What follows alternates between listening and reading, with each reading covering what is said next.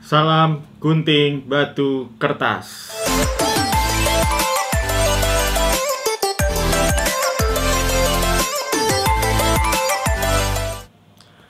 Halo, saya Adi Cipta Raharja Wirawan. Eh, kali ini saya tidak mereview board game, tetapi saya akan ini ada sebuah seri baru, yaitu sebuah seri yang membahas tentang eh, board game designer diary, yaitu tentang eh, sharing saya dari pengalaman eh, mengembangkan board game dari tahun 2015 hingga sekarang. Oke, kali ini yang akan saya bahas yaitu tentang 5 yaitu 5 kesalahan fatal yang dilakukan oleh board game designer. Oke, apa saja 5 kesalahan fatal ini? Tonton sampai habis dan jangan lupa untuk klik tombol like dan subscribe. Kesalahan fatal pertama yang dilakukan oleh seorang board game designer yaitu dia sejak awal nggak jelas akan uh, memilih sebagai indie publisher atau uh, akan mengirimkan karyanya ke major publisher.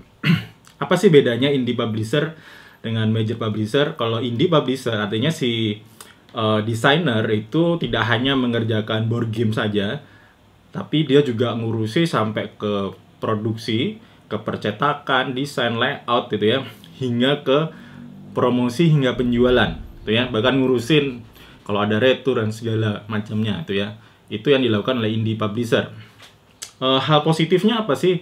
Sebenarnya uh, positifnya ya kontrol lebih luas tuh ya artinya kita uh, ide-ide kita nggak dibatasi itu ya. Dan yang kedua adalah ini melelahkan tuh ya. Saya merasakan sendiri uh, pengalaman sebagai uh, ikut ke major publisher yaitu saat bikin Warung Wars. Uh, kita hanya fokus di board game aja, mungkin sedikit membantu di promosi itu ya. Dan uh, itu kalau keuntungan di ikut major publisher. Tapi kalau indie publisher, saya juga merasakan saat membuat lini masa itu ya, uh, bikin sendiri itu ya, uh, kerjasama dengan percetakan, tapi ngurusi semuanya lah, ngurusi ke produksi itu ya, uh, pengecekan hingga ke peng penggalangan dana ya pada saat itu. Ini uh, kayak pakai pre-order ya crowdfunding. Dan harus ngurusi itu semua. Bikin video promosi sampai uh, ikut pameran itu ya. Jadi cukup melelahkan kalau indie itu ya.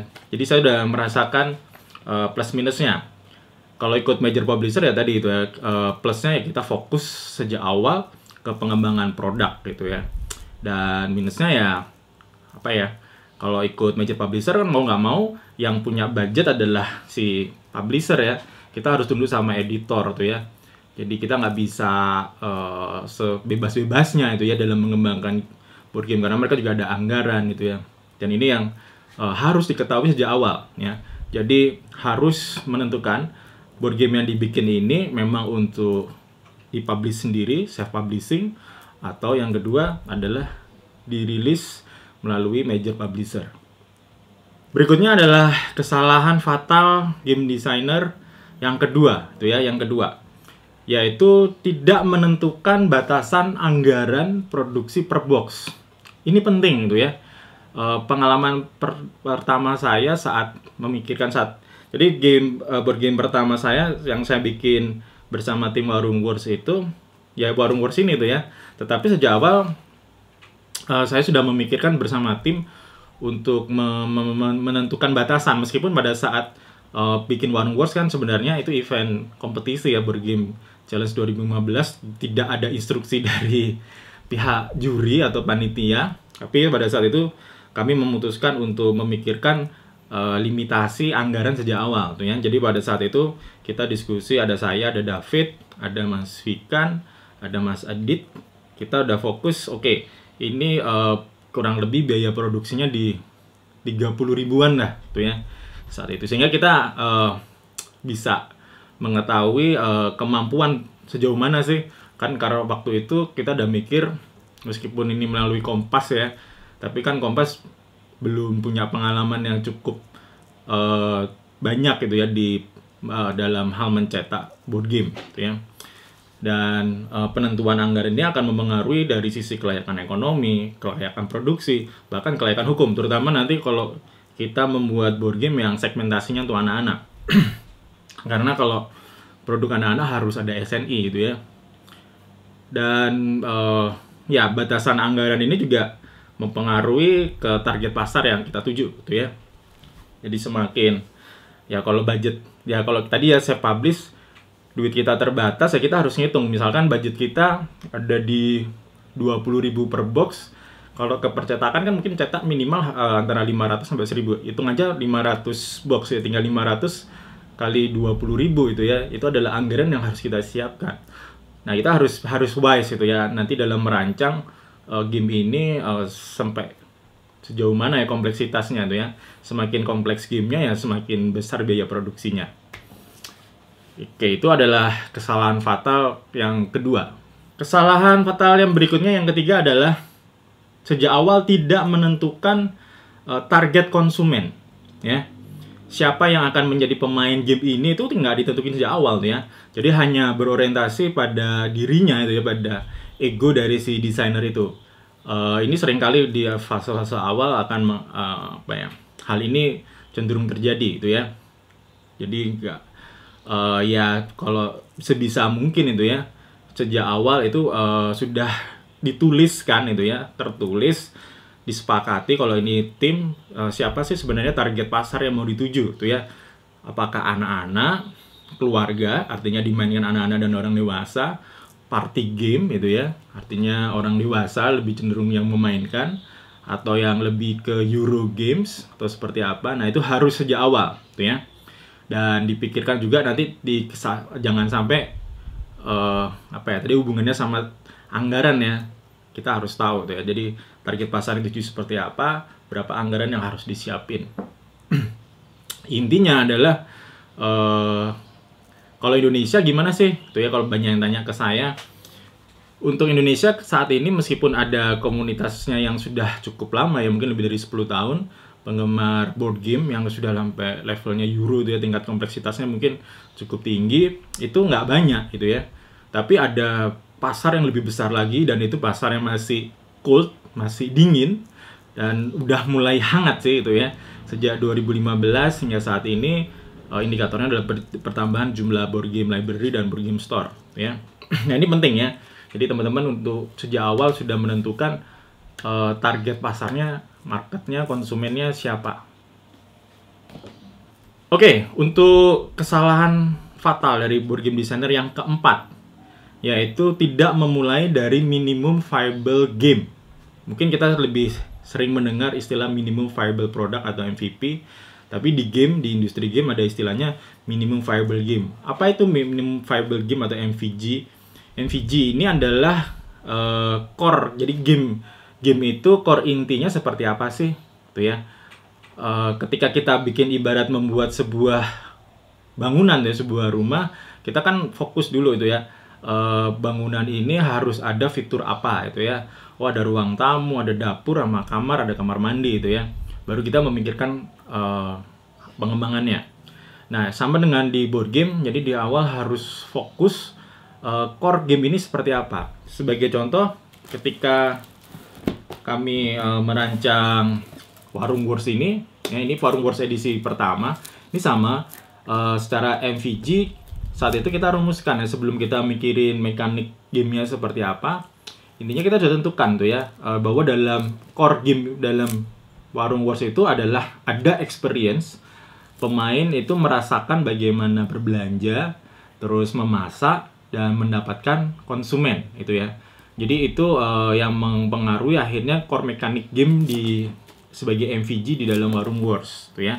Nah harus dipastikan uh, eh, MVG ini solid itu ya sebelum kita menambahkan fitur-fitur lain, tuh ya. Jadi uh, kayak fitur di Warung Wars itu meraih pelanggan itu adalah fitur ketiga yang ditambahkan. Jadi fitur core utama dalam Warung Wars itu hanyalah sebenarnya cuma belanja dan memasak gitu ya itu kita fokus dulu. Jadi di awal jangan sampai kita terlalu terjebak pada kompleksitas, menambah rule gitu ya. Karakternya asimetris tuh ya, artinya setiap pemain punya ability berbeda-beda itu akan sangat mempengaruhi uh, kompleksitas permainan itu ya. Maka dari itu ketika uh, Warung Wars yang cetak kedua ini ya uh, banyak hal yang diperbarui, di rebalancing ya. Terus ada penambahan karakter untuk setiap pemain dengan ada ability tertentu. Itu baru kita lakukan di Warung Wars yang second edition ini ya. Kalau yang pertama ini udah udah nggak dicetak lagi ya. Ini masih diterbitkan oleh Kompas. Ini adalah uh, dengan table toys. Tuh ya ini gambaran tuh ya artinya kami sendiri juga harus mengontrol tuh ya. Apakah tidak mampu kami lakukan di edisi pertama tuh ya? Mungkin mampu tapi waktunya yang nggak cukup gitu ya. Jadi kita harus ngukur tuh ya. Ada batasan waktu, anggaran itu ya dan kualitas yang mau dikejar gitu ya. Jadi kita harus harus wise di situ tuh ya. Jangan memaksakan uh, di awal dengan kompleksitas yang sangat tinggi. Jadi itu adalah kesalahan fatal keempat tuh ya. Jadi tidak memulai dari minimum viable game. Nah, untuk kesalahan fatal yang kelima itu ya. Yang terakhir adalah tidak segera merilis board gamenya. Oke, okay, itu itu hal yang wajar ya. Uh, di orang memiliki banyak karakter. Ada orang-orang yang perfeksionis, ada orang-orang yang apa ya? Ya, dia harus harus sempurna itu ya. Tapi uh, banyak banyak produk juga yang kalau kita amati ya, yang rilis di pasaran tidak hanya board game tuh ya. Artinya uh, selama itu sudah memenuhi kriteria apa yang diinginkan oleh customer atau ya, pemain itu terpenuhi, saya rasa itu sudah cukup gitu ya. Itu itu minimum uh, target yang harus dipenuhi itu ya. Kita nggak bisa paksakan produk itu harus perfect 100% tuh ya. Nggak ada produk yang tidak ada cacatnya atau yang nggak ada flawsnya ya uh, bukan berarti ini menjadi sebuah bentuk toleransi wah uh, asal merilis game. Tidak juga itu ya. Jadi uh, sama terkait dengan kesalahan sebelumnya kalau kita sudah solid ya minimum viable gamenya kita nggak perlu khawatir itu ya. Customer kita nggak bisa memuasin semua customer itu ya yang pasti.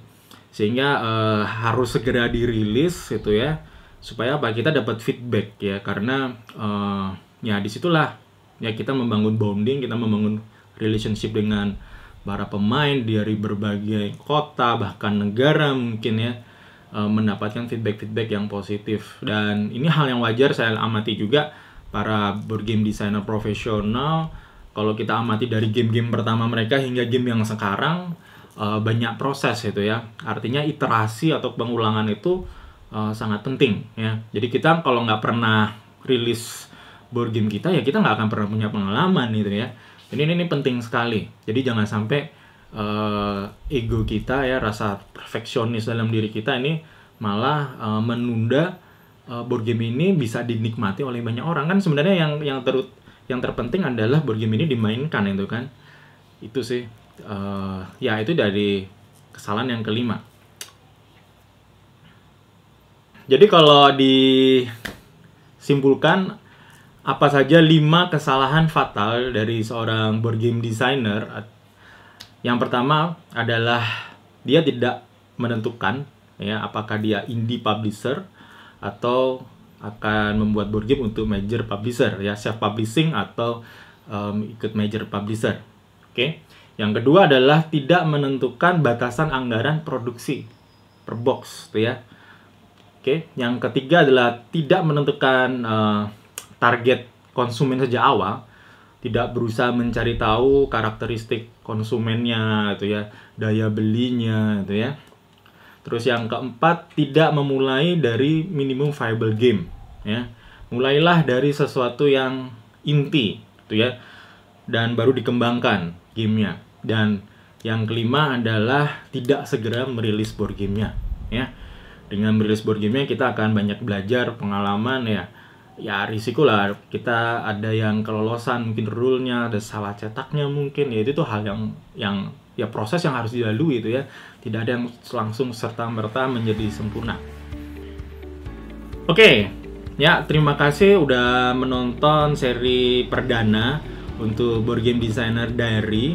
Nanti akan ada seri-seri berikutnya uh, mungkin akan ada membahas tips merancang board game atau bagaimana mem, uh, memilih mekanik board game yang baik gitu ya jadi Oke, itu episode 5 kesalahan fatal board game designer. Tadi uh, sudah saya sampaikan. Jika ada yang tidak setuju mungkin atau mungkin ada yang mau menambahkan atau ada yang kurang jelas dari uh, penjelasan saya, silakan dituliskan di komentar ya. Tuliskan di situ. Terus uh, sebelumnya juga ada sharing ya di video sebelumnya dengan pengalaman Mas Andi Taru yaitu uh, CEO dan game designer dari Eduka Studio. Nanti juga ada linknya di sini ya. Silakan ditonton untuk pengalaman praktek uh, bagaimana Mas Andi Taru mengembangkan board game dan game digital tuh ya. Oke, itu saja dari saya. Mohon maaf kalau ada yang ke, uh, mungkin kurang berkenan. Uh, tapi intinya kita di sini sama-sama belajar, tuh ya. Oke, uh, sementara itu dari saya. Semoga video ini bermanfaat. Salam gunting batu kertas.